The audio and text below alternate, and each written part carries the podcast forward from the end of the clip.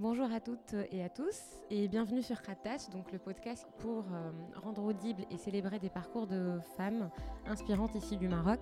Donc sur Khattach, on va recevoir des femmes jeunes, moins jeunes, qui viennent de secteurs euh, très divers avec des parcours de vie euh, différents, avec justement l'idée de proposer un large spectre d'expériences et d'apprentissage pour que cela puisse résonner auprès d'autres personnes et soutenir leur ambition.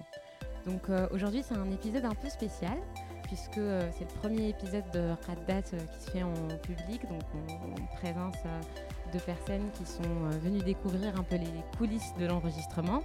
Et on est chez Mayamine, donc un store éphémère qui s'est installé à Paris pour justement présenter des produits de l'artisanat marocain et qui ont été conçus dans le cadre de projets d'entrepreneuriat social.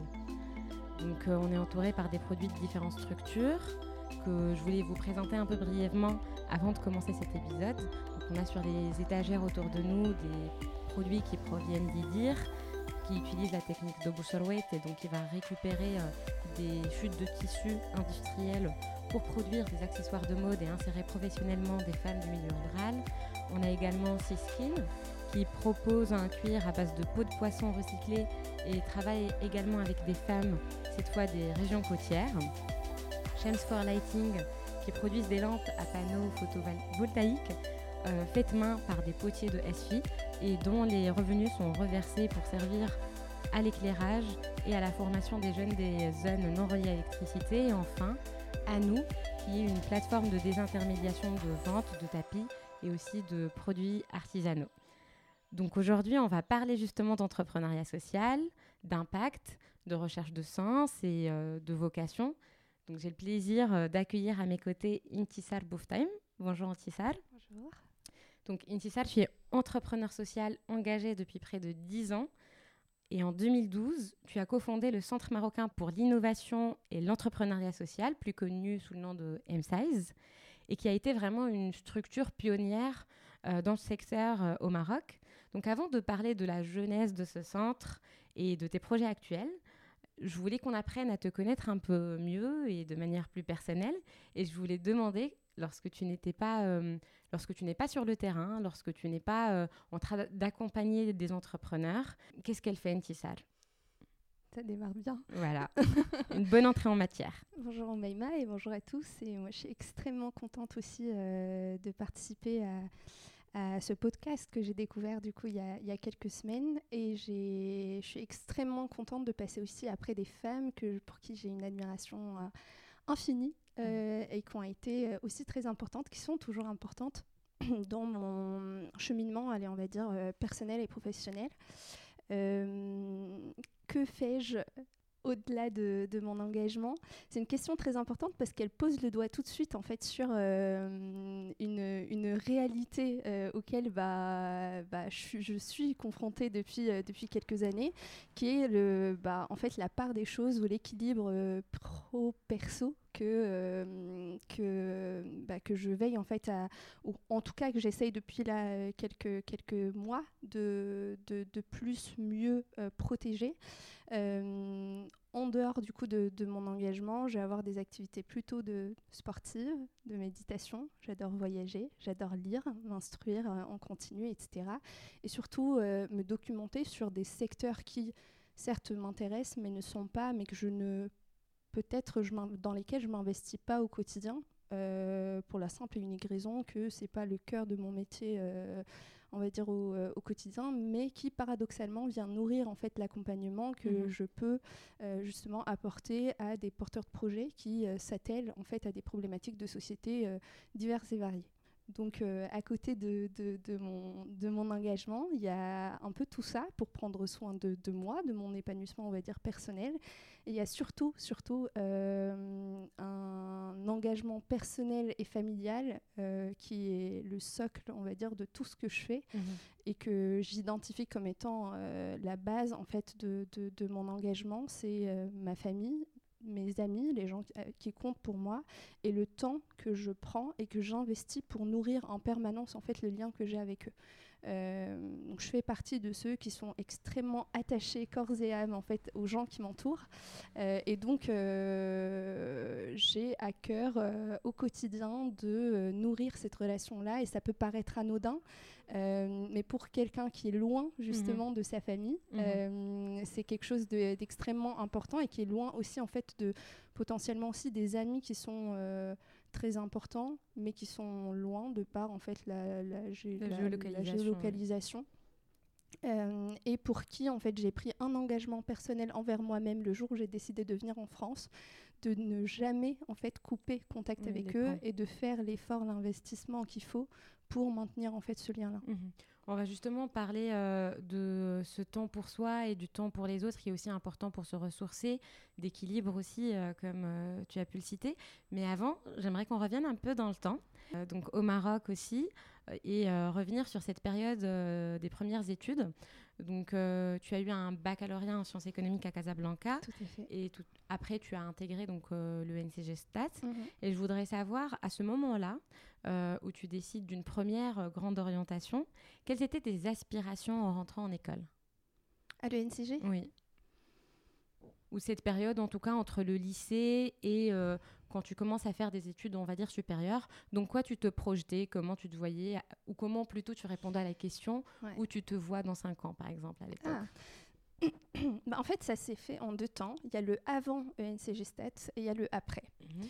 Euh, il y a le avant ENCG Stat qui est plus en fait toute la période de, euh, enfin la période on va dire scolaire, enfance, adolescence, etc. qui va être très animée par un sens très prononcé de euh, la de l'exigence, on va dire, et l'exigence dans le parcours scolaire. Euh, et qui vient plutôt des parents, des et professeurs. qui vient des euh. parents, qui vient beaucoup beaucoup des, des parents du milieu familial, d'une sœur que qui a su être là aussi comme deuxième maman et qui a toujours en fait pris soin de, de, de, de, de moi, de mon éducation et qui a toujours été là à des moments très importants de ma vie pour me dire en fait c'est l'arme la plus euh, essentielle, importante pour moi, pour que je puisse en fait être la, personne que je souhaiterais devenir. Mhm. Et du coup, c'était aussi simple que ça. Il n'y a, jamais eu aucune euh, euh, pression, on va dire, familiale. j'avais la, la, j'avais la liberté de faire les choix scolaires et académiques en fait que je voulais. Mhm. le tout étant de le faire de la meilleure manière qui soit. Et du coup, je pense que ça a développé en moi une exigence envers moi-même de me dire, j'ai, il était important de, pour moi en fait d'avoir les meilleures notes, d'avoir les concours que je m'apprêtais à passer, etc. Et donc, je pense que toute la l'avant ENCG Stat a été vachement animé par ça. Mhm. Euh, et l'après ENCG Stat, assez vite, en septembre 2009, j'ai ce qu'on appelle un déclic. Est-ce que j'ai eu la chance d'avoir un déclic dans ma vie qui était euh, euh, à la première ou deuxième semaine de l'ENCG Stat, où là, on découvre la vie associative de mhm. l'ENCG Stat. C'est un des, un des éléments qui qualifie ou qui distingue, on va dire, euh, Stat mhm. euh, en tant qu'école. Et donc, euh, je me souviens encore, comme si j'y étais, de ce moment où je suis dans l'amphi, où je découvre en fait les associations et clubs de l'école.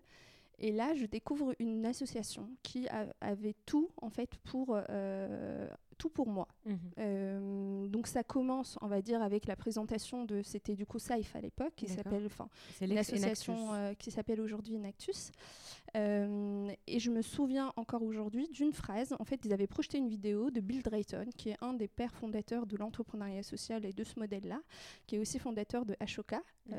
un réseau mondial qui soutient, qui reconnaît l'action en fait des entrepreneurs sociaux dans le monde, et qui dit à un moment donné, un entrepreneur social euh, ne se contente pas de donner un poisson ou d'apprendre à pêcher, il ne se satisfait que lorsqu'il a révolutionné l'industrie de la pêche. Et en fait, je m'en souviens, comme si, même en le disant, j'ai encore la chair de poule mmh. aujourd'hui, parce que ça a été un moment très très important, où là, je me suis dit, j'arrivais enfin à mettre un mot sur ce que j'ai toujours rêvé de mmh. devenir. Mmh et qui était, enfin qui était, qui est toujours euh, de devenir entrepreneur social. Le tout étant que moi, toute, enfin toute, toute mon enfance, toute mon adolescence, quand on me demandait ce que je voulais devenir en fait dans l'avenir, j'arrivais pas du tout à mettre un mot sur un métier. Mhm. J'arrivais à décrire ce que je voulais être ou ce que je voulais devenir. Et souvent, euh, je parlais de euh, ben, monter des projets euh, qui vont avoir un impact à la fois social, économique, environnemental, culturel, et j'arrêtais pas. Mmh. Et souvent, ça a été une riserie un peu dans la famille, etc. quelque chose à laquelle, enfin, oui, enfin, ou quelque chose qu'on comprend pas toujours, tu vois, de prime abord, parce que c'est particulier, parce que on n'a pas forcément en fait l'habitude mmh d'entendre en fait ce genre de réponse et, euh, et avec laquelle on me charriait vachement. Et du coup, je pense que j'ai eu un moment d'illumination en fait à ce moment-là où je, où je me disais ça y est, en fait, il y a un mot, en fait, ça existe, il y a un mot pour le décrire, il y a des gens qui, le font. Et en fait, je pense que depuis ce moment-là, j'ai pris le virus en fait de l'entrepreneuriat social qui m'a jamais lâché. dès la euh, première année, ça a été assez dès la première année, assez fondateur et assez fondateur dans tous les choix que j'ai pu faire par, par la suite. Euh, et quand je dis choix, c'est choix choix académique, choix professionnel, euh, dans, dans, absolument tout, choix, choix de vie mhm. euh, aussi. Euh, ouais, je pense que ça a été, ouais, c'est le moment qui m'a aidé à prendre toutes les décisions que j'ai pu prendre après. Et à aucun moment, tu n'as eu justement la curiosité ou cette petite voix qui te disait est-ce que je vais pas voir ailleurs pour un peu varier mes expériences essayer de comprendre comment marchent d'autres structures ou d'autres secteurs. Euh, comment on réussit à être aussi confiant en fait dans les choix qu'on fait? Il y a deux choses. Il y a déjà nourrir en fait cette voix très forte en moi, cette forte, enfin cette voix intérieure qui me dit que ce truc-là, c'est pour toi. Mmh. Et du coup, c'est se donner la chance de créer et de, de suivre, de savoir identifier les opportunités qui s'offrent à soi. Et donc, il y a un engagement très fort, donc associatif, euh, ou qu'on appelle parascolaire, qui était extrêmement important à cette période-là et pendant toute, euh, va dire toute la période, puisque finalement, dans les locaux de l'ANCG Stade, j'avais mm. passé trois ans. Et du coup, pendant les trois ans de l'ANCG Stade, ça a été quelque chose de très, très important et très. Euh, ouais, qui occupait une place très importante dans ma vie. Et à côté de ça, les stages, en fait, qu'on passait tous les étés. Et là, comme tu dis, euh, il y, a, y, a, cette voie un peu de précaution mhm. qui est toujours là et euh, oui, est-ce que tu es sûr que tu peux faire carrière là-dedans? Est-ce que tu peux avoir un job véritablement là-dedans? Sachant qu'on parle d'une époque où euh, il y avait très peu de personnes que je connaissais, euh, que je connaissais dans le secteur. Mhm. Et, et, que je me devais en fait mhm. aussi d'aller rencontrer ou de, de, me renseigner là-dessus. Donc il y a ça. Et du coup, comme il y a toujours cette voie-là, du coup personnelle, mais aussi tu as tout l'entourage, tu as tes camarades de promo, etc., qui font en fait d'autres choix. Euh, et du coup, je passe par la finance en première année. Euh, du coup, je fais un stage de euh, deux mois et demi dans une banque pour apprendre à connaître en fait le fonctionnement de, quels sont les métiers qu'on a dans la banque, comment ça marche, etc. Je fais quoi d'autre? Je fais les RH, donc c'est quelque chose qui m'intéressait. en tout cas, l'humain a toujours été mmh. quelque chose de très important. Donc je fais un deuxième stage en RH et là c'était encore euh, deux mois, RH euh, et communication interne, etc. Et c'était super intéressant. Même la banque c'était super intéressant. Euh, et même en sortant de là, il n'y avait aucune aversion, aucune, mais c'est juste oui c'est bien, mais c'est pas je sais que dans je savais que dans tous les cas, même si on suppose que je m'engage dans une carrière quelconque, en fait, on va dire classique ou dans des métiers qu'on appelle traditionnels ou, euh, ou classiques, euh, ça allait pas durer longtemps. Mhm. Euh, voilà, donc il y a ça. Et j'ai fait les achats les achats, euh, enfin là c'était pareil dans une, un autre grand groupe, etc. Et les achats, je suis même pas allée au bout parce que ça me passionnait pas du tout. Mmh. Alors que j'étais entourée de gens passionnés par leur métier. Euh, et je pense que c'était la seule fois où j'ai assumé décevoir quelqu'un. Parce que euh, dès le premier jour, j'étais tombée sur un gars qui était mais archi passionné par son travail, qui m'avait amené mais genre deux bouquins extrêmement gros à lire, etc. Je pense qu'à l'époque, je devenais de plus en plus, en fait, euh, je découvre en même temps la RSE, le développement durable, mhm. et comment ça s'applique euh, en entreprise. Je ne sais pas ce que j'ai envie de faire en fait en entreprise. Et à partir du moment que je découvrais qu'il y avait des métiers euh, où je pouvais à la fois nourrir ma soif d'impact et de sens en fait, euh, et en même temps les lier à ce que j'ai pu cumuler comme expérience, mhm. compétences dans l'école, etc. Et être dans de grandes structures oui, aussi. Ouais, voilà. Enfin, je me disais bon bah en fait je peux le faire différemment ouais, il y a des métiers en fait qui mmh. existent pour ça. Ce serait trop dommage en fait de de m'orienter dans un secteur qui a clairement en fait moins de sens pour moi. Et là encore, on est au Maroc ou euh, Là, on est au Maroc. Là, encore, on est, enfin là, on est en troisième année. Euh, je suis au Maroc. Et entre temps, j'ai fait une expérience avec Inactus, grâce à Nana mmh. qui, euh, qui en fait m'avait du coup mis en relation avec l'équipe du coup de l'époque d'Inactus. Et là, c'était purement de la communication événementielle et presse pour l'organisation de la compétition nationale d'Enactus. Ça, c'était, je pense, en 2013 ou 2000. Ouais, je pense que c'était en 2013, je pense. Euh, voilà, et ça, c'était. Euh, ouais, c'était intéressant. Enfin, mm. tu vois, mais je me suis. Enfin, à l'époque, je voyais encore la, le, la suite de, de l'aventure devant moi. Et même dans l'événementiel, je me dis c'est bien, mais c'est pas non plus là-dedans où je vais mm. faire, euh, tu vois, où, une carrière, je vais faire une carrière. Et justement, comme tu as cité Adnan Addibi, mm. c'est aussi une personne avec qui tu as cofondé donc. Donc en 2012. C'est en 2012. Je voulais savoir justement comment euh, vous est venue l'idée et euh, comment surtout vous avez appris à travailler ensemble dans un secteur dont on n'entendait pas du tout parler à l'époque au Maroc, comme tu mm. le citais.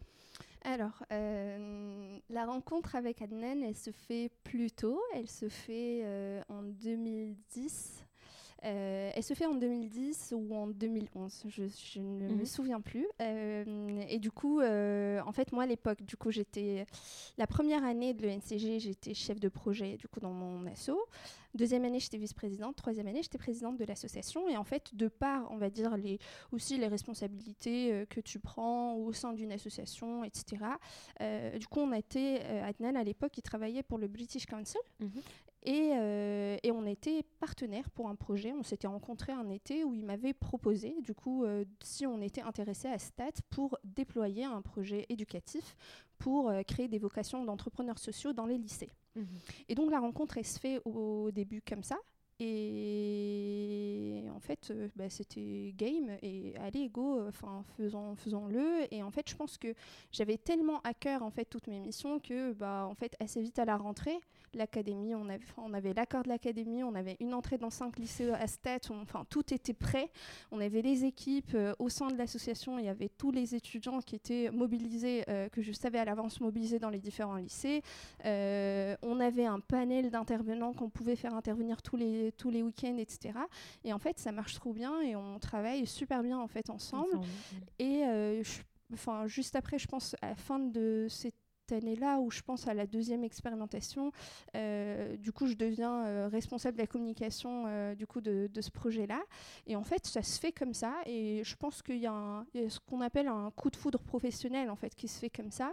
Et une entente personnelle du coup bah, entre moi, mais il y avait aussi d'autres personnes en fait mhm. qui étaient vachement engagées dans cet écosystème et on se dit par moment, je pense qu'il y a eu un alignement euh, des, des, planètes qui fait que ben euh, on arrivait chacun, euh, Adnan il était étudiant in Actus aussi avant et tout, on arrivait chacun en fait un peu à la à cette à cette observation qui était de dire en fait c'est trop dommage de, de faire émerger autant d'acteurs en fait et de, de, de jeunes de nouvelles générations on va dire d'entrepreneurs sociaux dans un écosystème où il n'y a pas encore de structure qui reconnaît en tant que telle euh, l'entreprise sociale, en tant, que, euh, en tant que philosophie, en tant que concept, etc.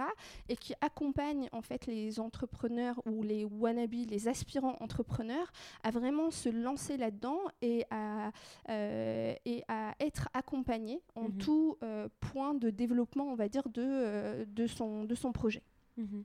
Voilà, et du coup, il y avait cette observation-là et une envie d'avoir un impact beaucoup plus grand, beaucoup plus systémique. Euh, et du coup, on se réunit autour d'une table euh, et assez vite, en fait, émerge l'idée de, de, création du Centre marocain pour l'innovation et l'entrepreneuriat social. Donc, on fait pas mal de, de sessions de travail. On était un groupe, je pense, de 6 euh, ou 7 personnes au début euh, et, en fait on établit euh, à ce moment-là quelle est la philosophie, notre vision en fait du, de M-Size, qu'est-ce qu'on veut en faire, comment on veut l'appeler. J'ai un très bon souvenir aussi de l'appellation de M-Size. Ça a suscité des débats? Fait, on était un peu dubitatif au début sur centre marocain pour mm. l'innovation et l'entrepreneuriat social parce que ça peut sonner pas très jeunes, quoi. Moi, ça, ça m'évoque un lieu et je ne sais pas justement si au début déjà vous aviez un lieu physique. On n'avait pas de lieu au début, ça s'est créé en fait avec le temps. On n'a pas, c'est sûr qu'on n'a pas démarré en fait avec un lieu, mais ça, en fait, on avait plus peur du côté un peu institutionnel que cela peut refléter mhm. euh, de d'appeler un projet comme ça euh, qui est euh, qui est tout sauf du vieux monde en fait. Quelque chose enfin que ça ait une connotation plus institutionnelle ou quoi. Et en fait il y avait quelqu'un enfin qui était du coup dans l'assemblée et qui nous disait ah non non mais en fait au contraire ça colle bien avec un positionnement de pionnier.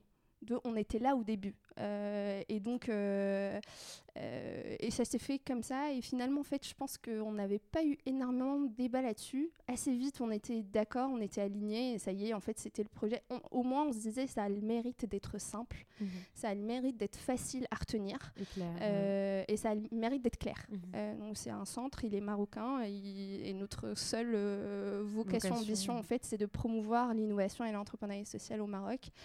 et donc, définition de la mission découlera et des activités.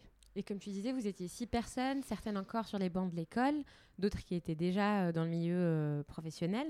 Donc, euh, comment vous, vous, imaginiez quelles étaient déjà vos ambitions à, cette époque? Est-ce que pour toi, qui étais étudiante, c'était un projet parallèle, mmh. donc purement étudiantin, et tu remettais la réflexion à plus tard? Ah Ou déjà, tu te voyais ah non, le, rêve et l'ambition étaient...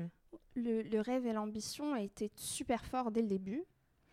Euh, et on savait que c'était. Euh, enfin, de toute façon, je pense que ce qui nous réunissait aussi, en fait, en tant que cofondateur, c'était euh, l'ambition qu'on mettait dans tous les projets que, que l'on développait avant. et du coup, à aucun moment, sur aucun de nos engagements, il y avait une sorte de bah, je le fais pour l'instant. Enfin, non, en fait, il y a un en fait, je pense que l'engagement, il est tellement fort que à aucun moment, tu acceptes, en fait, même vis-à-vis de toi-même, de te dire, je vais créer quelque chose qui va disparaître dans peu de temps. Mais non, mhm. en fait, tu fais tout pour qu'il soit le plus pérenne, en fait, et le plus euh, euh, porteur, en fait, de sens pour d'autres communautés et pour d'autres personnes. Euh, donc non, en fait, l'ambition, la vision, elle était super claire dès le début. Par contre, là où on ne s'est pas trop pris la tête, et je trouve que c'est tant mieux, c'est qu'à aucun moment on a vu les contraintes qu'on avait chacun. Euh, par rapport en fait au potentiel engagement dans la mmh. durée que pourrait avoir chacun. Et donc il y, avait une certaine liberté euh, et on en a, enfin c'était même pas un sujet limite à raison, à tort. Mmh. Donc il y a d'autres, enfin d'autres entrepreneurs ou des gens qui nous écoutent qui pourraient croire en fait que mais c'est complètement dingue et, immature mais en fait tant mieux que, c'est, que, ça l'ait été mmh. parce que ça nous a permis en fait de grandir et de faire grandir le projet. Euh, moi, j'ai eu un parcours. Euh, enfin, moi, il se trouve que j'ai eu une opportunité d'aller en France juste après. Euh, bah, justement, c'est ce que je voulais te poser comme question, parce que par la suite, tu, tu poursuis tes études ici en France, donc à, Bordeaux. Et je voudrais comprendre aussi comment ça s'est passé d'abord cette prise de décision de, de venir en France et qu'est-ce que tu voulais retrouver ici. Euh, mais aussi par rapport au projet justement qu'on a enclenché un peu une, grande machine. Mm. Comment on fait justement pour euh, ne pas ou couper le lien en fait? Ouais. Bah, je pense que la meilleure chose qui nous soit arrivée est de ne pas créer de relation de dépendance entre les cofondateurs et le centre. Ça, c'est euh, c'est hyper difficile à mm. faire. Je me rends compte en accompagnant des entrepreneurs que c'est pas du tout simple en fait à, créer et je pense que ça s'est fait naturellement. Et il y a un côté aussi euh, vachement lié à la personnalité d'Adnan, je pense, euh, qui fait que en, fait il était resté et il a eu cette capacité à fédérer en fait autour du projet en étant sur place et en faisant porter ce projet-là à d'autres personnes qui n'étaient pas là au début comme si c'était le leur.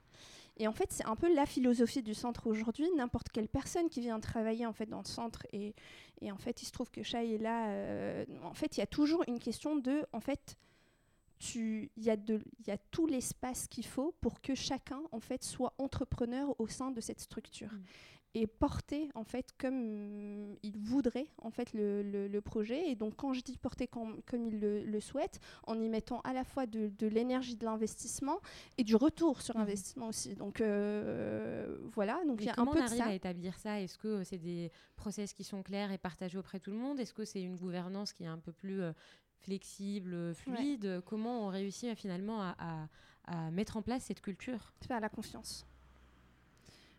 La confiance, c'est la, règle numéro un. Euh, ou c'est le moyen en fait, le premier moyen en fait qui permet de créer une relation aussi forte en fait avec les gens avec qui tu travailles.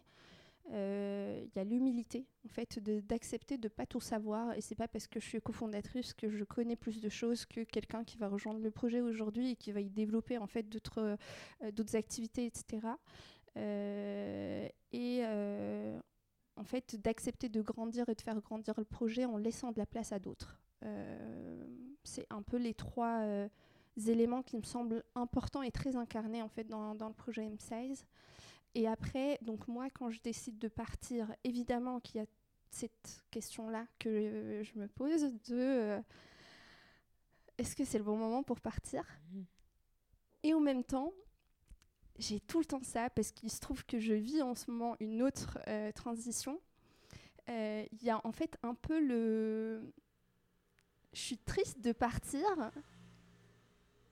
mais je sais pas pour quelle raison, j'ai une intuition super forte qui me fait, qui me fait dire que c'est la bonne décision mm. pour moi. Et à l'époque, euh, donc, euh, enfin, à la base, en fait, je, enfin, j'étais partie pour n'avoir aucune chance pour avoir ce double diplôme euh, à l'ENCG parce que j'étais pas la plus assidue, j'étais pas la plus j'étais pas celle qui avait les meilleures notes et en mm. même temps je candidate pour l'école la plus plébiscitée en fait qui traditionnellement euh, n'accepte euh, ou dans laquelle en fait on accepte en interne que euh, bah, les 3 4 qui sont des majors de promo depuis le jour qu'ils ont posé les pieds à l'ENCG et du coup je Enfin, c'était un challenge un peu, un coup de oui, mais en fait, pourquoi pas? Sincèrement, c'était un et pourquoi pas? Sincèrement, oui, bah go. Enfin, j'ai rien à perdre. Et en fait, quand je, le, quand je passe le process, et Dieu sait que mon, à mon année, il y a eu beaucoup plus d'entretiens que les années d'avant, et je me dis tant mieux, parce que euh, finalement, on a dépassé en fait les notes j'étais tout le temps, à chaque nouvelle présélection, la dernière de la liste. Donc, t'as un peu honte de, de, dire Ah oui, je suis quand même content.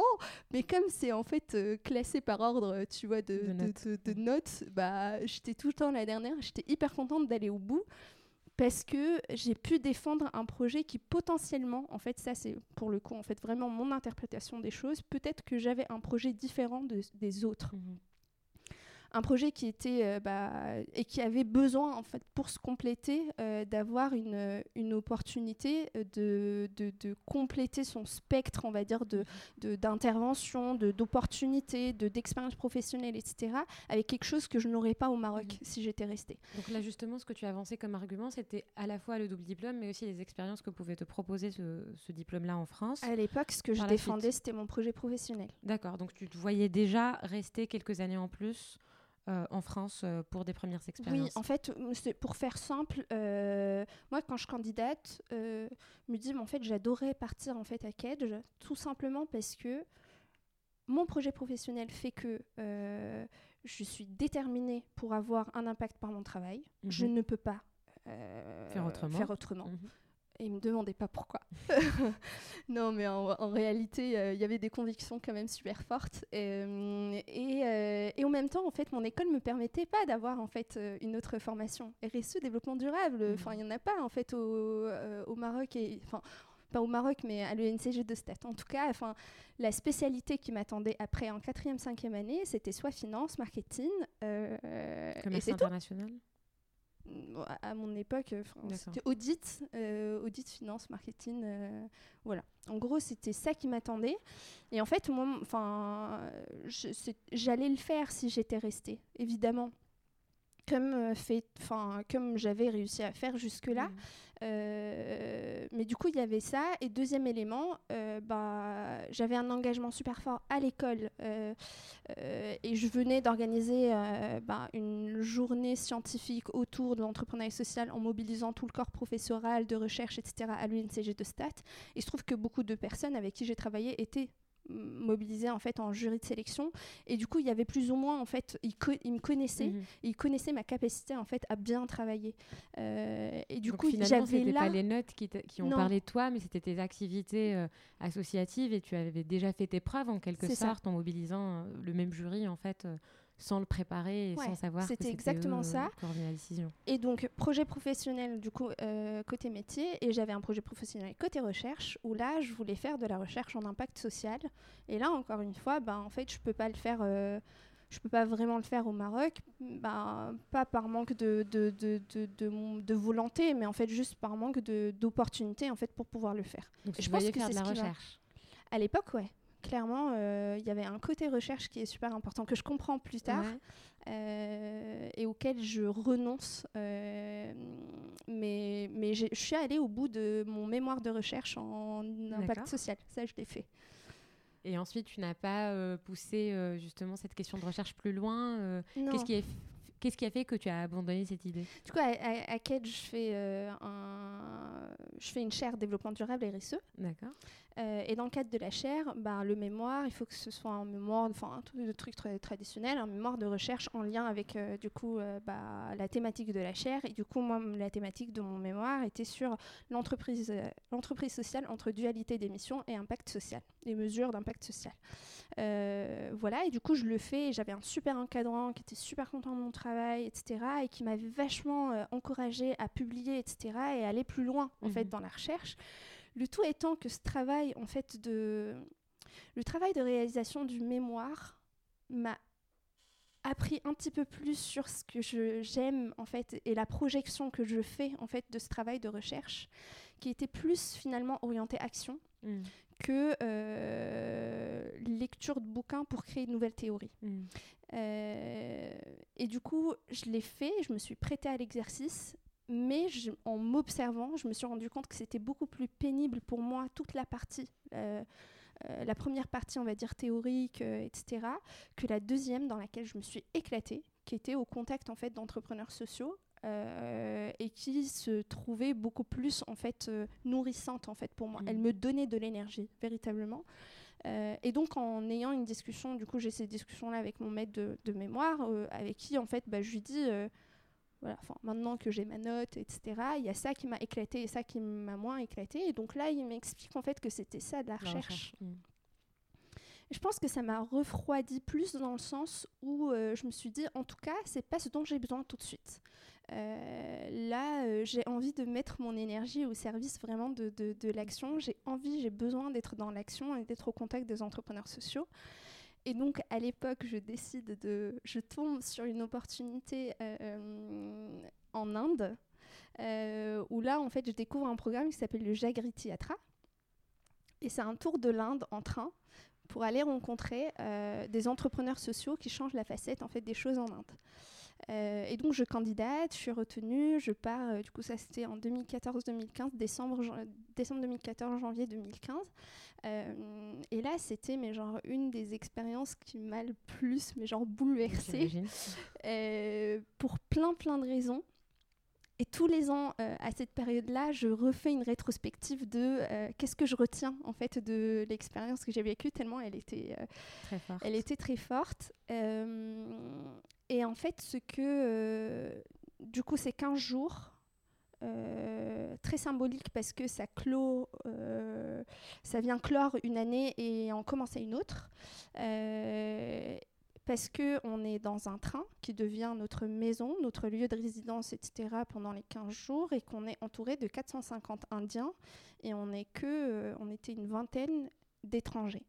Qui viennent de partout dans le monde pour participer à ce euh, programme. de partout dans le monde pour participer à ce programme. Et comment on est sélectionné donc sur une lettre de motivation, il y a des entretiens. il y a un dossier en ligne à remplir, etc. Et un entretien euh, du coup sur Skype avec les, euh, les internationaux.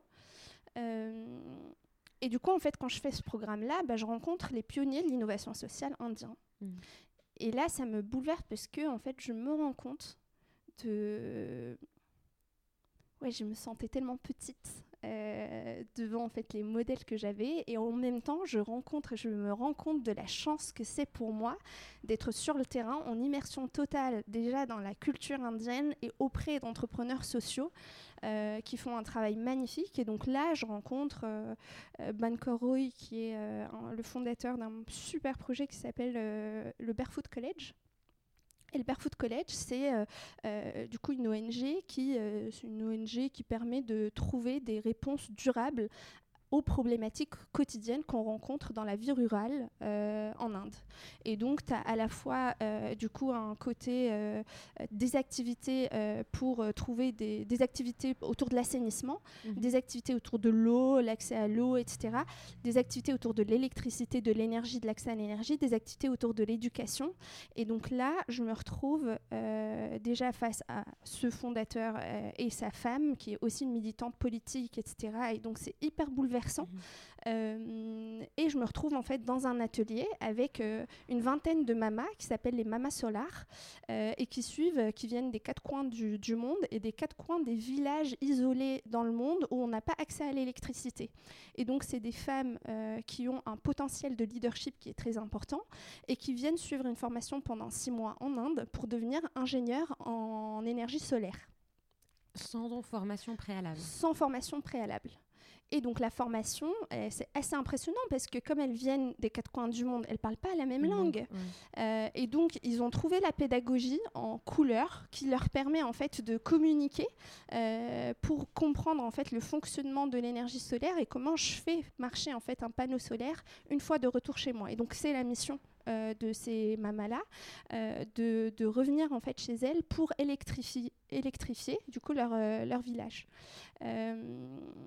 Il y a aussi une autre, une autre visite de Aravind Aiker qui est le, plus, le, plus grand hôpital ophtalmologique dans le monde, ou en tout cas le plus performant, qui a réussi à faire passer en fait le coût d'une opération de cataracte de 200 dollars à 5 dollars en s'inspirant notamment de euh, pratiques, c'est assez marrant à dire comme ça, mais des pratiques de McDonald's.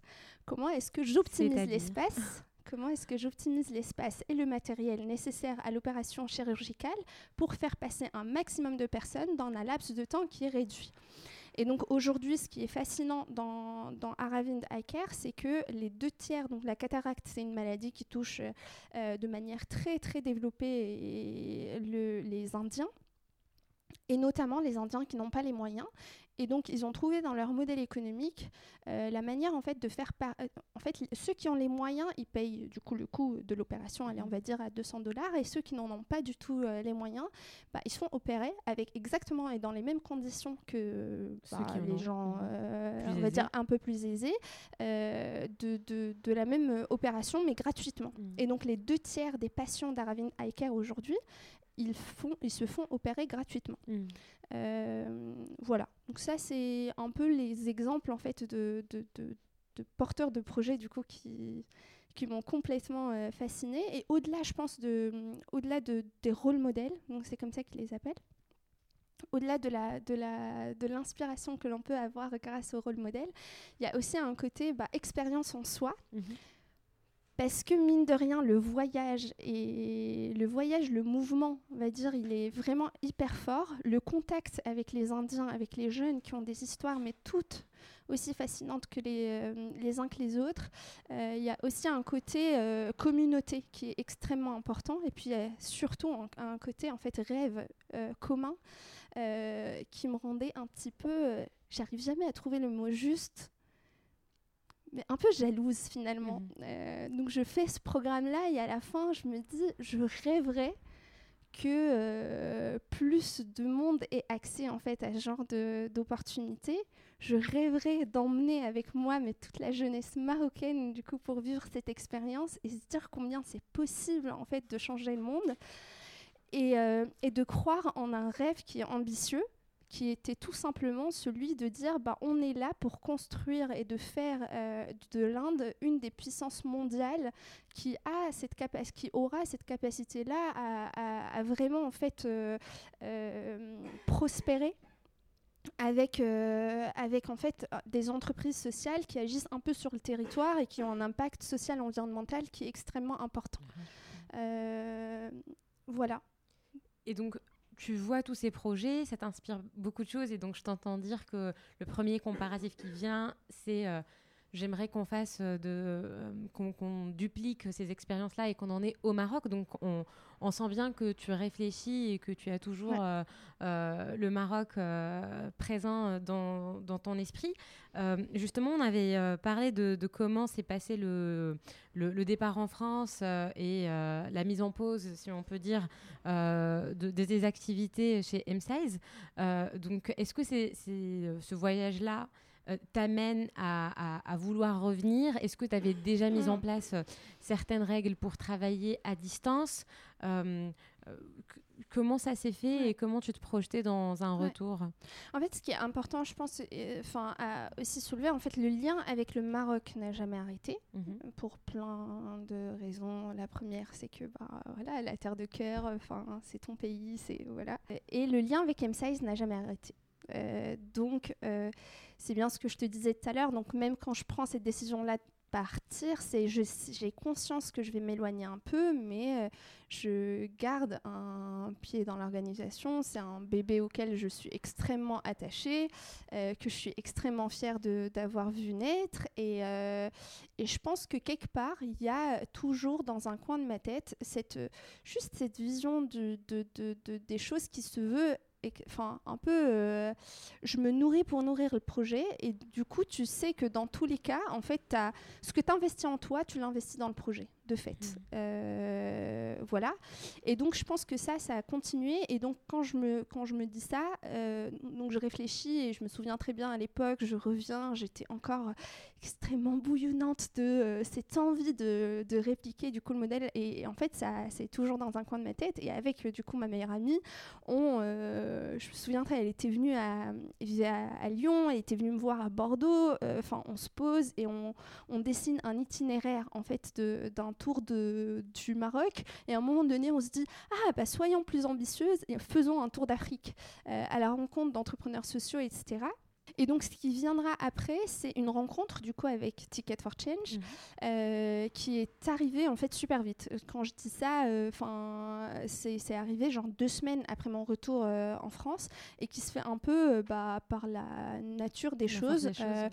Euh, donc, je suis contactée par euh, du coup un membre de l'équipe euh, de Ticket for Change qui, à l'époque, en fait, moi, il se trouve que je m'occupais du coup de la communauté Make Sense à Bordeaux et qui me propose en fait de collaborer ensemble pour lancer un cours en ligne qui venait tout juste de, de, mettre en place et de publier en partenariat avec HEC Paris. Et du coup, il voulait s'appuyer sur la communauté Make Sense pour du coup déployer et animer sur le territoire du coup le, le MOOC. pour les auditeurs, c'est un cours euh, en ligne qui est accessible sur Coursera qui s'appelle Devenir entrepreneur du changement.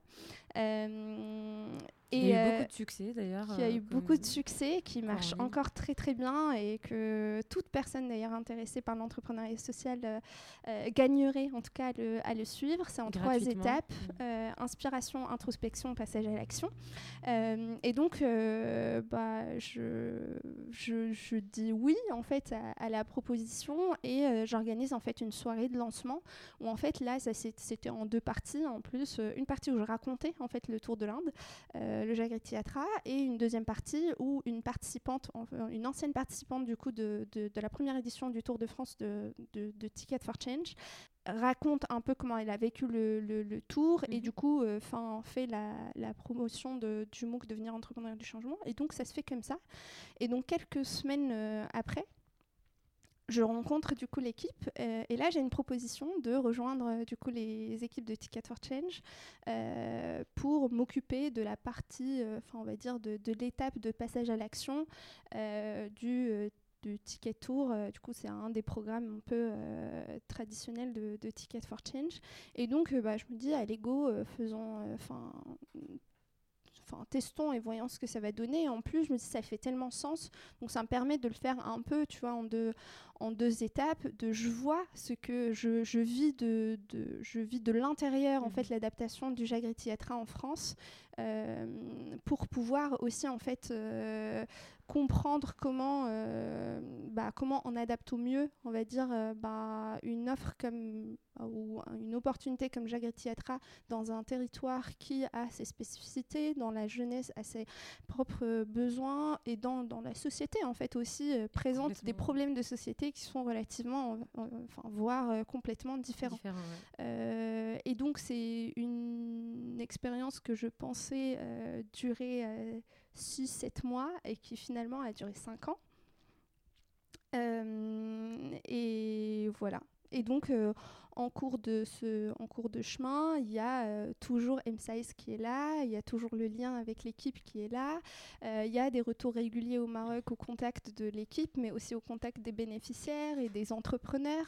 Euh, Justement, moi je, pense, je, posais la question en fait par, par intérêt purement personnel parce que je pense que notre génération, en étant un peu en situation de mobilité, c'est un peu dur de se dire en fait je, suis, je travaille en France, je ne suis pas engagée au Maroc et comment un peu on, essaye parfois euh, de, légitimer, de justifier nos actions, de se dire non en fait, mais en fait je fais quelque chose qui est en lien avec le Maroc. Enfin moi en tout cas, tu vois, le, podcast c'est aussi un, moyen pour moi de faire un, lien avec euh, mon pays.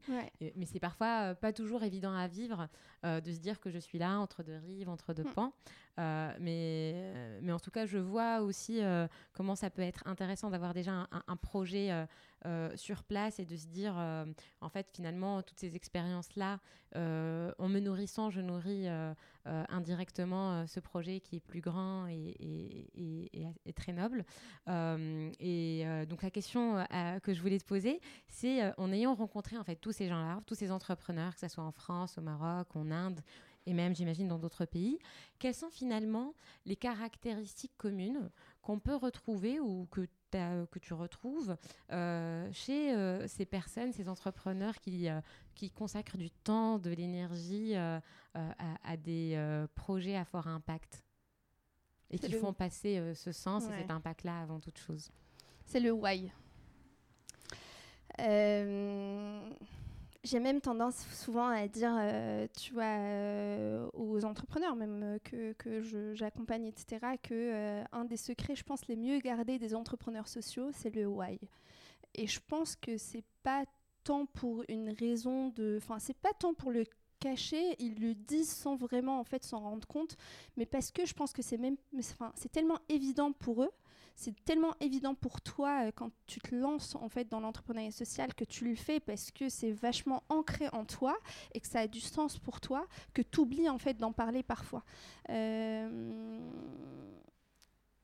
le why, il peut euh, avoir, enfin, moi en tout cas, je le définis en fait à deux, enfin, sous deux perceptions différentes. Il y a le why personnel, et donc le why personnel, c'est pourquoi j'ai envie de m'engager dans ce projet-là. Mmh. Pourquoi j'ai, enfin, et c'est essentiel du coup pour euh, toute personne qui potentiellement en fait nous écoute et souhaite se lancer. Enfin, pour moi, c'est, enfin, c'est une des premières questions en fait à travailler en soi et à se poser quand on veut se lancer là-dedans. Euh, pourquoi je souhaite me lancer? Pourquoi je souhaite entreprendre? Pourquoi je fais ce choix-là?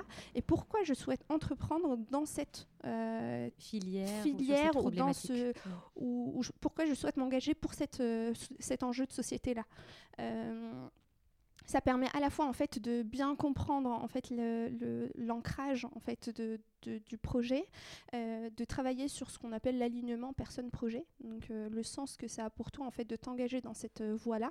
et trois en fait c'est ce qui te permet de, de trouver de l'énergie, euh, quand tu passeras par des difficultés et des moments en fait un peu moins plaisants dont on parle moins quand on parle du storytelling en fait de l'entrepreneur.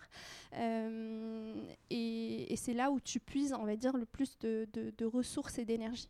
Et après le deuxième euh, niveau on va dire de, cette question là en fait du why c'est le pourquoi et le pourquoi, c'est quel impact, pourquoi tu, tu souhaites le faire, c'est quel, enfin, quel impact tu souhaites générer en fait à moyen long terme, quelle euh, société tu vis, euh, enfin tu rêves en fait dans, dans l'avenir, qu'est-ce que tu souhaites atteindre comme vision en te lançant en fait dans cette euh, voie entrepreneuriale là ou en, enfin, en lançant ton projet?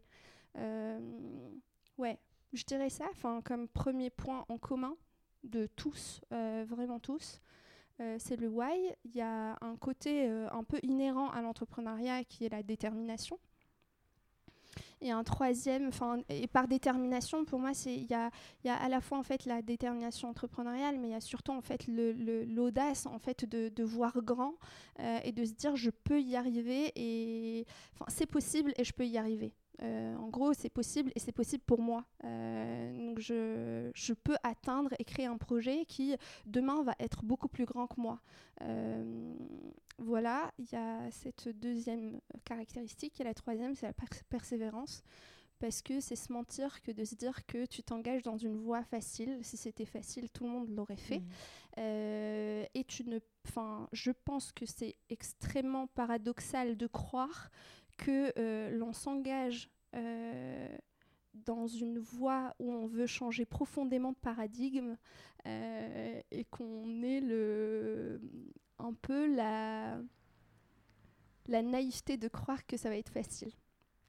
donc c'est normal que une fois engagé dans cette voie, bah, il y a des gens, même autour de toi, les plus proches, qui comprennent pas ce que tu fais, qui comprennent pas pourquoi tu le fais, euh, qui, euh, qui vont potentiellement pas exprimer en fait le soutien que tu attends mmh. ou qui vont même en fait euh, bah, on va dire même euh, là cette fois-ci un peu en s'éloignant un peu euh, plus on va dire de, de, de, de, de la sphère plutôt intime ou personnelle s'opposer à toi et donc ça fait partie du job et ça fait partie en fait de l'aventure dans laquelle on, on se lance mmh.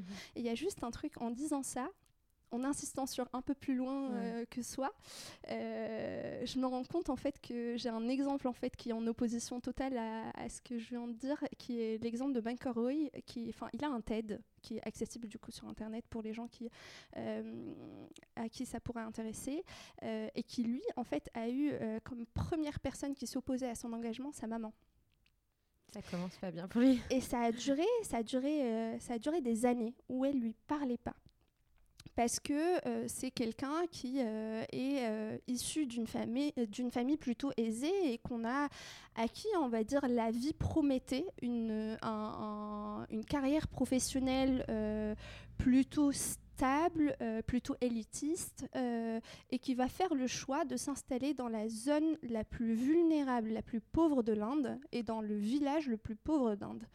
Euh, et donc, la première personne surprise, on va dire, par ce choix-là, ça a été sa mère, et qui, pour montrer à quel point elle était opposée à son choix, elle décide de ne plus lui, enfin, de ne plus lui adresser la parole. Et donc, mmh. c'est une relation qui va durer comme ça pendant de longues années, et qui va s'apaiser le jour où il va avoir une parution dans un journal, ou enfin, voilà, une parution médiatique qui reconnaît son travail. Et donc, je pense que par euh, un peu, tu vois... Euh, la, cette volonté de protection que peuvent avoir euh, les parents de oui non en fait il faut que je te il faut que je t'exprime en fait par la manière la plus euh, extrême possible en fait euh, à quel point j'ai peur pour toi mhm. et ben ça a été à la fois une épreuve mhm. mais un challenge pour lui de se dire aussi bah, en fait il faut que je lui prouve que j'ai raison et qu'elle peut être fière de moi mhm. voilà non, effectivement, c'est aussi toute sa capacité à se dire je ne peux pas trouver le soutien euh, euh, auprès de mes proches, mais euh, effectivement, il faudrait que cela, au contraire, ne me détruise pas, mm. mais me donne un élan supplémentaire pour, pour, y arriver. Et justement, tu es amené à accompagner beaucoup d'entrepreneurs à la fois dès les, dès, les, phases d'idéation jusqu'aux phases de développement de projets.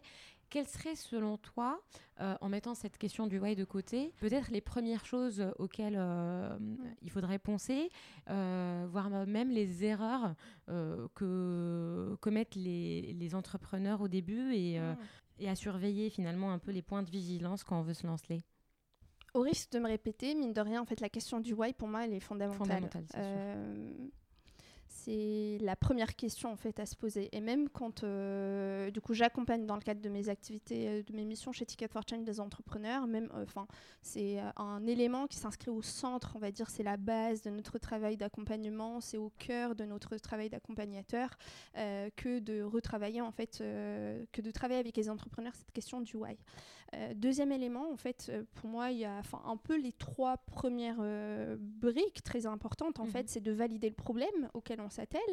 Euh, souvent, on peut avoir une compréhension faussée ou pas forcément en fait euh, euh, généralisable à la, réalité de ce que ça représente au niveau de la société de fait, du fait que euh, d'une première compréhension ou d'une relation parfois même très intime que l'on peut attacher en fait au problème parce que ça a potentiellement touché un proche, parce que on est potentiellement passé par là et c'est le cas de plusieurs entrepreneurs sociaux qui se lancent en fait, euh, qui est de parfois répondre à des enjeux qui ont, les ont touchés à titre individuel ou, euh, ou voilà. Après c'est pas le cas de tous, mais mais c'est une possibilité d'engagement. Mmh. Euh, du coup, c'est de valider euh, encore une fois le problème euh, auquel on s'attelle. Il n'y a rien de mieux que d'être au contact en fait de ceux qui le vivent au quotidien. si je veux proposer une alternative pour je sais pas, euh, pour des produits cosmétiques euh, et des produits alimentaires, voilà, enfin, aux consommateurs, il bah, n'y a rien de mieux que d'être au contact en fait de ce consommateur-là pour vraiment bien s'imprégner et comprendre les besoins qu'il ressent au quotidien. Et donc ça, ça passe par tout un travail du coup de design thinking pour ceux, pour les personnes que ça peut intéresser. Il y a beaucoup de matières hein, en fait disponibles sur internet autour de méthodologies et d'outils qui peuvent en fait aider un entrepreneur à suivre en fait cette méthodologie-là et c'est en étant en contact de ces bénéficiaires que l'on peut euh, valider du coup et bien mieux euh, comprendre et cerner euh, les besoins qu'ils rencontrent au quotidien. Il y a un deuxième travail très important et inhérent en fait à, ce premier travail de validation du besoin, c'est de voir tout ce qui se passe par ailleurs, de faire tout le travail de benchmark qui peut se, se, faire et s'effectuer à la fois à l'échelle bah, du coup régionale, à une échelle nationale et même une échelle pourquoi pas internationale pour savoir qu'ont-ils fait euh, Qu'ont-ils euh, fait euh, Ouais, enfin c'est ça. Mhm. Qu'ont-ils fait en fait tous les entrepreneurs, tous les pères qui ont, eu, qui ont eu la même envie en fait de s'attaquer à ce problème-là. c'est de se mentir que de croire qu'on est les premiers à vouloir développer une solution euh, pour euh, mieux manger ou mm. pour mieux se déplacer ou pour je sais pas ou pour recycler des mégots de cigarettes mm. voilà et donc en fait la, la, deuxième étape fondamentale pour moi c'est de faire ce travail de benchmark pour comprendre les solutions existantes et donc de vraiment maîtriser ça permet à la fois d'en tirer les meilleurs apprentissages les bonnes pratiques mais aussi en fait de détecter les failles potentiels euh, et les dysfonctionnements. Euh, oui, il y a beaucoup d'acteurs, par exemple, qui s'attellent à la problématique de euh, la qualité de l'enseignement. ok, bah pourquoi en fait ça marche pas ou pourquoi ça marche pas assez? Est-ce qu'il n'y a pas assez d'acteurs? Est-ce qu'il y a un endroit où on n'agit pas? Est-ce que et ça, ça permet de d'orienter sa solution. Il euh, y a une phrase que j'adore euh, euh, répéter en fait aux entrepreneurs qu'on accompagne, ils ne font jamais tomber amoureux de sa solution, mais du problème qu'on veut résoudre. Et une fois qu'on a compris ça, et eh ben en fait, tu sais que ta solution, elle sera amenée en permanence en fait à pivoter, à changer, à évoluer, et ça fait partie en fait de ton du travail de l'entrepreneur que d'avoir cette flexibilité là, de d'apporter le meilleur service, le meilleur produit qui répond en fait aux besoins. Et donc mmh. c'est là qu'on parle du du fit market. Euh, euh, market, euh, produit product market voilà ou voire même en fait le besoin et, et le besoin et le, et le produit et sur un plan plutôt personnel quand on s'engage vraiment pour des causes euh, qui sont, euh, comme tu disais, avec euh, plusieurs paramètres. on a vraiment une envie de, d'avoir un impact sur des communautés, donc au sens très large. on va avoir tendance à ne pas compter ses heures, à, ne pas se réserver vraiment du temps ou de l'énergie à tout donner à ce projet-là. Et justement, je voudrais savoir, est-ce que toi, tu as, vécu cette situation Est-ce que tu as pu mettre en place des méthodologies ou des règles pour justement ne pas t'oublier mmh. et réussir à mmh. trouver ton équilibre ça nous ramène à la toute première question. Justement, je t'avais dit qu'on allait y revenir. c'est le moment. Je pense que ce qui, ce qui me semble être important, c'est de connaître un peu, enfin, c'est de connaître ses besoins et de rester en fait à l'écoute de, de soi et de son corps. J'insiste sur euh, le soi et le corps parce que euh, peut-être parce que j'en ai fait l'expérience il n'y a pas très longtemps et c'est jamais agréable en fait de se voir lâché par son corps. Euh, même quand on a au préalable en fait euh, cru mettre en place euh, tous les dispositifs. Et donc au début du podcast je te parlais de bah l'activité sportive, faire du sport euh, régulièrement, faire de la méditation. Donc euh, j'ai une pratique de méditation euh, qui est plutôt régulière, de, de, voyager, de s'entourer, de trouver le moyen en fait de parler d'autres choses et de couper aussi avec son quotidien, etc. Et ceci dit, même si bah, pour le coup en fait c'était c'est là depuis quelques années, c'est je l'ai aussi mis en place potentiellement en fait un peu tard parce que mm. je savais pas au début parce que euh, quand on est passionné par un sujet ben, on est passionné par un sujet et en fait c'est assez facile de, de, de, de tomber là-dedans on va dire H24 et de manger entrepreneuriat social se mm. lever entrepreneuriat social parler de ça en permanence etc euh, donc on en fait un peu parfois même une addiction et il y a même en fait un peu le côté de assez vite euh, on peut se voir euh, aussi submergé, on va dire, par la quantité euh, de travail, mais parce que tout semble important tout le temps. et le travail n'arrête pas, et, voilà. Et du coup, je pense que, en fait, si j'aurais malheureusement pas de leçons à donner, enfin, ni de conseils à donner, en fait, là-dessus. c'est absolument pas mon, mon intention là. mais je pense que connaître ses, besoins et s'observer euh, en permanence, et ça c'est un travail qu'on apprend en fait à faire, euh, est essentiel. Pourquoi? Parce que même quand on tombe dans, euh, dans, dans, du coup, dans, les, dans les dérives, on va dire, d'un de, de, engagement excessif, et eh ben on tombe quand même sur ses pattes. Mmh. et à titre très très personnel, j'ai 2019 a été une année extrêmement difficile, on va dire, euh, pour moi à plein d'égards. Euh, et pour n'en citer qu'un, bah, mon équilibre de vie pro-perso, euh, on était clairement du coup à l'épreuve, ce qui m'a énormément aidé. Je sais que je tire mon énergie des gens qui m'entourent. Mmh. et je suis extrêmement fière malgré tout de me dire j'ai su euh, pendant tout ce temps-là, en fait, m'engager, enfin, m'entourer, m'entourer de gens qui me donnent de l'énergie, qui savent parfois, en fait, trouver les mots justes pour, euh, euh, pour que je retrouve à nouveau, en fait, de, de l'énergie en moi, etc. Et en début d'année, j'ai su aussi m'entourer de gens qui me connaissent moins, mais qui ont eu un rôle un petit peu différent pour donner un exemple super concret, début d'année, vers le fin, mars 2019, etc., je me dis, bah, je fais le choix cette année d'investir en moi parce que je sens que je, je, je, commençais à sentir que bah, voilà, ma, ma santé, mon corps commençait à me lâcher, etc. Et pour tenir, on va dire, je, et pouvoir prendre les bonnes décisions au bon moment, bah, je vais m'entourer de coachs. Euh, et et euh, j'ai eu une coach formidable qui a su être, euh, enfin, qui a su être, euh, jouer le bon rôle de coach. Mmh. donc vraiment m'accompagner, avoir ce, ce rôle-là de questionnement permanent et de m'apporter les bons outils au bon moment et de me permettre aussi de prendre, bah, du coup, bah, des décisions un peu, encore une fois,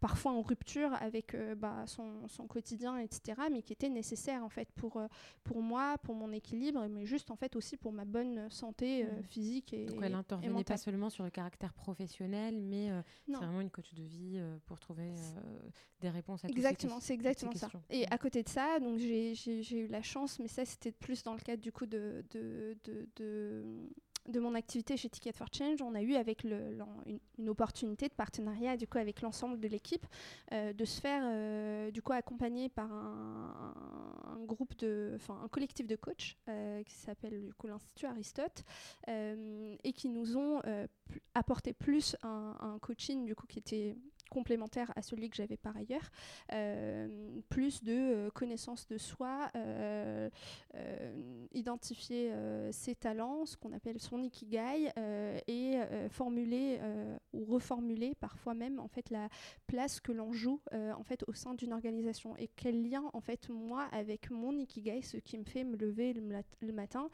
je contribue en fait à la mission de mon organisation et j'optimise en fait la place que j'occupe dans, dans, le projet. Euh, voilà. Donc là, quand on dit Ikigai, c'est vraiment le point d'équilibre entre euh, ce qui nous passionne, ce qu'on réussit à faire ou ce qu'on a comme talent c'est bien ça C'est Ikigai, du coup, c'est un concept japonais qui veut dire euh, raison d'être ou raison de se lever le matin euh, et qui réunit en effet en fait quatre grandes dimensions ce qu'on aime faire, ce en quoi on est bon, ce dont le monde a besoin et euh, ce pourquoi on est payé. Euh, et, donc ce concept japonais, il a été observé euh, du coup par un collectif de chercheurs qui avait observé par moment un taux de longévité extrêmement important ou plus important que la moyenne dans un euh, petit, petit village, une région on va dire de, du Japon qui s'appelle Okinawa. Euh, et donc, ils se sont intéressés à euh, ce qui fait ou les facteurs qui font que les gens, du coup, dans cette région-là euh, du monde, prospèrent et vivent en fait plus longtemps que la moyenne. Et donc, un des premiers facteurs, c'est justement en fait ce, ce, cet ikigai-là, qui est plus en fait une philosophie de vie, qui, est, qui est vécue de manière complètement naturelle en fait pour eux, et qui se veut en fait vraiment au croisement de ces quatre dimensions-là. Et comme on est euh, en période un peu de nouvelle année, mm. euh, je voulais justement savoir si tu prenais euh, des résolutions.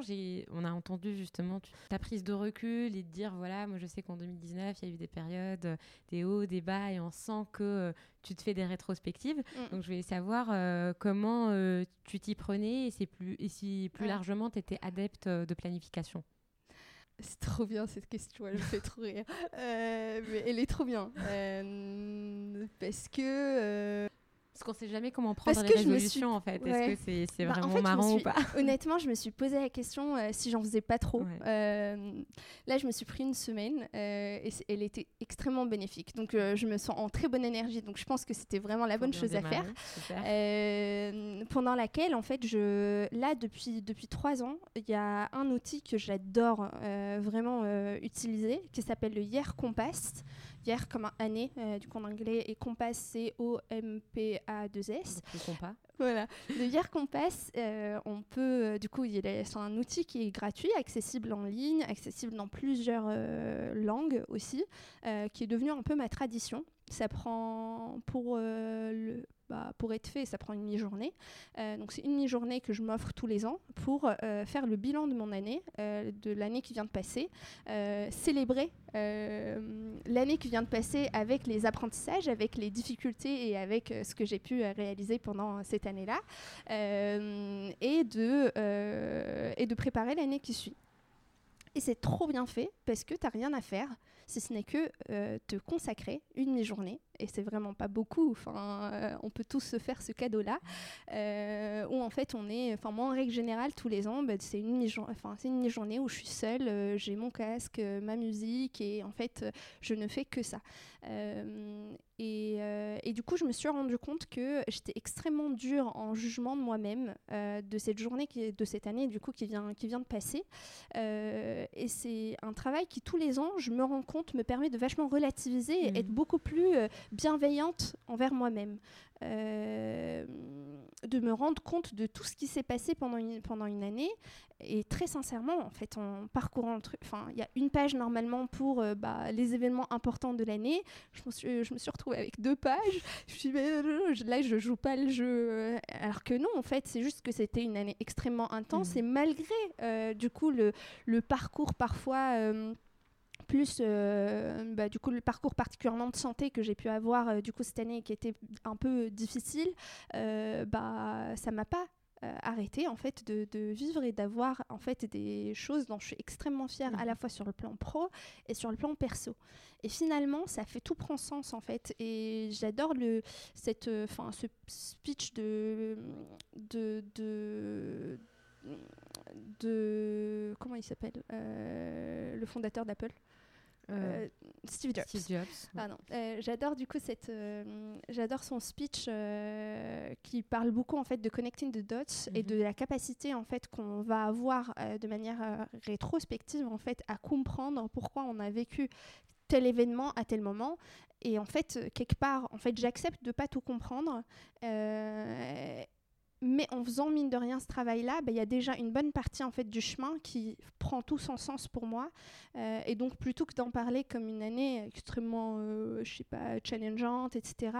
Euh, et bah je, je l'accepte comme elle mhm. est et en fait j'en retiens en fait tous les, enfin que les apprentissages mhm. que finalement elle m'a apporté à la fois sur moi-même et sur, enfin mon travail, euh, ma relation à ma famille, à mes amis, etc. Donc le Year Compass, euh, voilà, je le surrecommande tellement je suis fan. Et je m'essaye à euh, le bullet journal, euh, j'en ai beaucoup entendu parler. Très sincèrement, je l'ai jamais. Euh, enfin, je, suis plutôt bien organisée, donc j'ai mon agenda, euh, je prends tout le temps des notes, j'ai mes petits carnets et tout. Mais le bullet journal, j'en ai pas mal entendu parler. J'ai jamais essayé. Et là, récemment, bah, du coup, je m'en suis là pendant cette semaine-là, je me suis acheté un bullet journal. et sincèrement, j'en suis, plutôt contente du premier usage. je sais pas si j'aurai la discipline, en tout cas, je, de de, le faire toute l'année, mais il faut l'expérimenter, tu vois. Et, euh, et, le bullet journal, du coup, c'est un, une manière de prendre des notes et d'organiser, du coup, euh, sa, sa, vie, ses envies, à la fois perso, pro, etc., euh, qui te permettent, en fait, de suivre les engagements que tu as pris, par exemple, en, début d'année ou, enfin, même au milieu de l'année, etc. et du coup, pour raccrocher aux résolutions, je, le fais en fait malgré moi, même si parfois je me dis ah oui mais est-ce que euh, est-ce que c'est vraiment important? Je pense que c'est important. Je pense que j'aurais arrêté de le faire sinon. Mais il y a un truc parfois que je ne comprends pas et du coup il faut s'essayer, expérimenter et expérimenter. Donc c'est peut-être la chose que, que, sur laquelle j'insisterai le plus. Euh, en fait, tester, tester mhm. tout ce que. Enfin, tu vois, on a parlé d'entrepreneuriat, de, de, vocation, euh, enfin, de, de d'ikigai, etc. Il n'y a rien de plus n'y a, rien de plus simple et je pense que c'est le meilleur conseil que l'on peut faire à quelqu'un, c'est de, c'est de tester en fait. Tu as envie de faire un truc, bah teste en fait. Et accepte que le premier test, il soit petit, il soit pas à la hauteur de ce que tu veux, il soit pas idéal, il soit pas... Enfin, accepter de commencer petit, mais de nourrir en fait l'engagement à la fois personnel, professionnel, entrepreneurial que l'on va avoir. Euh, et donc, euh, oui, les résolutions, les objectifs, là, pas plus loin que bah, pareil, en fait, la, la, semaine qui vient de s'écouler, euh, je me suis formulé mes 10 objectifs de l'année. Et, euh, et, je pense qu'en le faisant et en le refaisant, on se rend compte de ce qui est faisable ou, pas. On se rend compte à quel point parfois, en fait, c'est un peu le piège dans lequel on, on, tombe quand on fait ce travail-là pour la première fois. Bah oui, j'ai envie de lire 100 livres euh, l'année qui suit et de visiter 20 pays et de et en fait, on se rend compte assez vite que bah, c'est pas l'objectif ou la résolution qui est pas bonne. En fait, c'est juste l'ambition que j'ai mhm. mis qui n'est peut-être pas raisonnable Mais ce que je trouve super intéressant, c'est que tu chiffres tout. C'est-à-dire que tu t'es dit 10 euh, objectifs, euh, objectifs. Donc, on sent qu'il y a eu un sens de priorisation. 20 pays. Donc, il y a un, sens du chiffre et du quantifiable aussi pour pouvoir un peu. Euh, par la suite faciliter le travail de bilan et mieux se projeter l'année qui suit. moi, j'ai tendance un peu à compartimenter et dire, moi, j'ai envie d'allouer du temps de temps, par exemple, à ma famille, à mes amis, au pro, au perso, à la formation. Et, euh, et, je trouve aussi cette démarche-là euh, de procéder par euh, quantité est très intéressante. je pense que c'est un peu le côté, enfin, j'allais dire cartésien, mais aussi, en fait, j'ai besoin de d'être honnête avec moi-même mm. à la fin d'année quand je vais faire le bilan. Mm.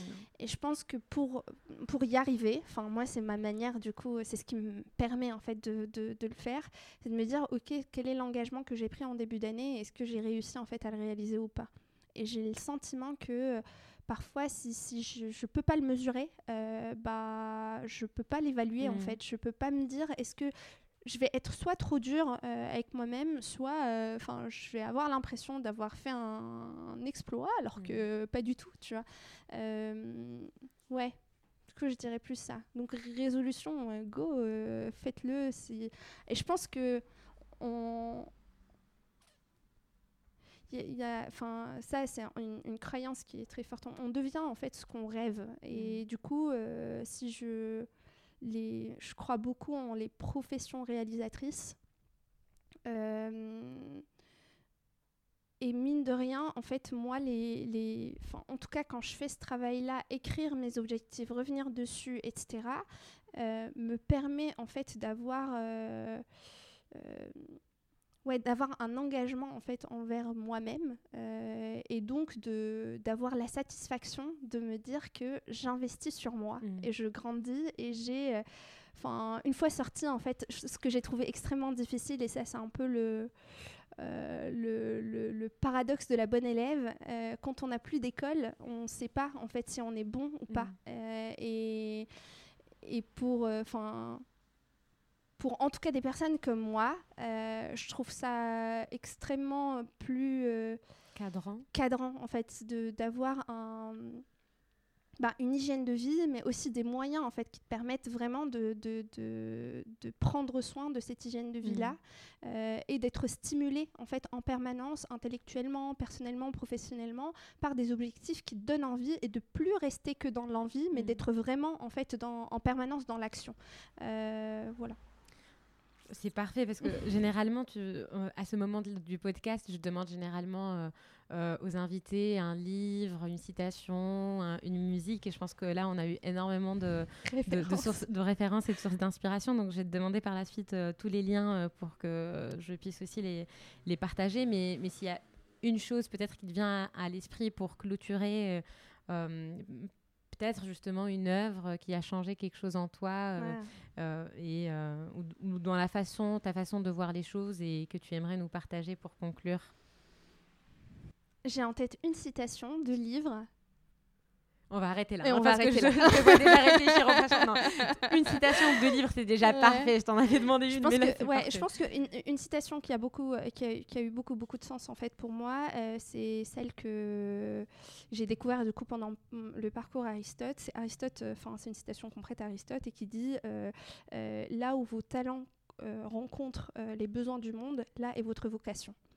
Et je pense que ça dit tout. Et pour moi, ça a été vachement, bah, c'est vachement en fait capital de, de, de, de, relire à chaque fois en fait cette euh, citation-là parce que ça redonne en fait du sens mmh. à, à, mon engagement. Euh, et je me dis, bah, je n'ai pas fait ce que j'ai fait pour rien. Ça, je sais pourquoi je fais ce que je fais et ça renforce vachement en fait mes, mes valeurs, mes convictions, etc. Et les deux livres, euh, peut-être qui m'ont pas mal euh, marqué. bah, le premier, il est de Damin Malouf, qui s'appelle, il s'appelle Identité meurtrière. Mmh. Je pense qu'il est, enfin, en tout cas je pense qu'il est important pour moi, notamment euh, parce qu'il a donné beaucoup de sens à euh, ce périple en fait entre le Maroc, la France, euh, l'appartenance, l'identité. il a été capital dans la, le parcours de validation en fait de mes acquis identitaires et l'ouverture en fait à cette capacité à euh, continuer en fait à nourrir une identité parce qu'une identité n'est jamais figée dans le temps et il y a tout ce que tu vis qui vient en fait l'enrichir en permanence et, s'en rendre compte en fait m'a vachement euh, euh, apaisé et permis de mieux plus assumer ce qui, je, qui, qui je suis en fait. Mmh. voilà. Et le dernier du coup dernière référence c'est Sapiens de Yuval Harari pourquoi? Parce que euh, que je trouve ce livre fascinant par l'ingéniosité qu'il a pu avoir à résumer l'histoire de l'humanité en 400 pages. Euh, et j'ai appris tellement de choses, moi qui n'ai absolument pas. Enfin, j'ai un background plutôt, enfin, bah, du coup, euh, vachement orienté euh, entreprise, économie, etc. Et, et j'adore ce genre de lecture qui me challenge vachement et m'apprennent énormément. Donc j'ai un rapport en fait à la lecture qui est très intéressé et, et je le recommande vachement aux gens. Bah, merci beaucoup Nitissa Time et merci à vous qui nous écoutez ici ou à travers euh, donc vos écouteurs. Donc si vous avez aimé cet épisode, n'hésitez pas à le partager autour de vous, à nous soutenir en suivant Raddat sur les réseaux sociaux, donc que ce soit sur Facebook ou Instagram, et euh, en commentant et notant le podcast sur Apple Podcast. Et enfin, pour ne pas louper l'actualité et les prochains épisodes de Raddat, on peut s'inscrire sur la newsletter donc à retrouver sur le site www.raddatch.com. Et d'ici là, je vous souhaite de faire encore plus de belles rencontres, de continuer de rêver et trouver toute l'audace et donc le courage et la détermination nécessaires pour les réaliser. Je vous dis à dans 15 jours avec une nouvelle rencontre dans un épisode de Radas. Merci encore.